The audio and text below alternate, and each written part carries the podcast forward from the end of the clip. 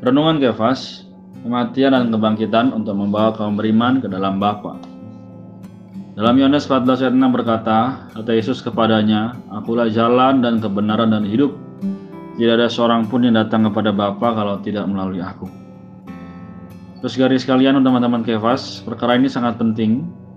Perhatikanlah bahwa bukan Kristus pergi dan Yesus datang, melainkan Yesus pergi dan Kristus datang. Ini bukan menerangkan kepergian Yesus ke surga dan kembali pada kali yang kedua. Menurut konsepsi alamiah, kepergian Tuhan berarti ia meninggalkan murid-murid untuk pergi ke suatu tempat murid-murid tidak dapat mengerti maksud Tuhan.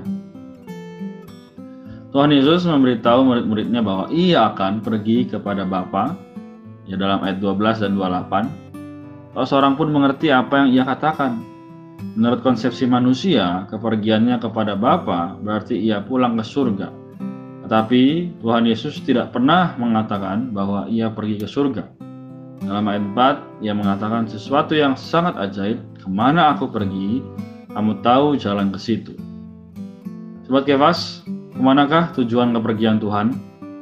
Sebagaimana kita nampak, kebanyakan orang Kristen mengira bahwa tujuan kepergiannya ialah ke surga. Namun setelah membaca pasal ini dengan saksama, Anda akan menemukan bahwa tujuan kepergian Tuhan bukanlah surga. Tuhan tidak bermaksud membawa kaum berimannya dari satu tempat ke tempat lain. Bukan masalah tempat, melainkan masalah persona hidup, yaitu Bapa sendiri. Puji Tuhan, saudari teman-teman sekalian, sudahkah kita nampak hari ini ke manakah Tuhan kita pergi? Lalu kita juga bisa bertanya, di manakah Bapak hari ini berhuni? Ya, saudari kita juga berdoa, Tuhan agar membawa kita pergi ke dalam personanya yang hidup, yaitu kepada Bapa yang terdapat dalam firman. Semoga Tuhan memberkati, Tuhan merahmati kita. Puji Tuhan.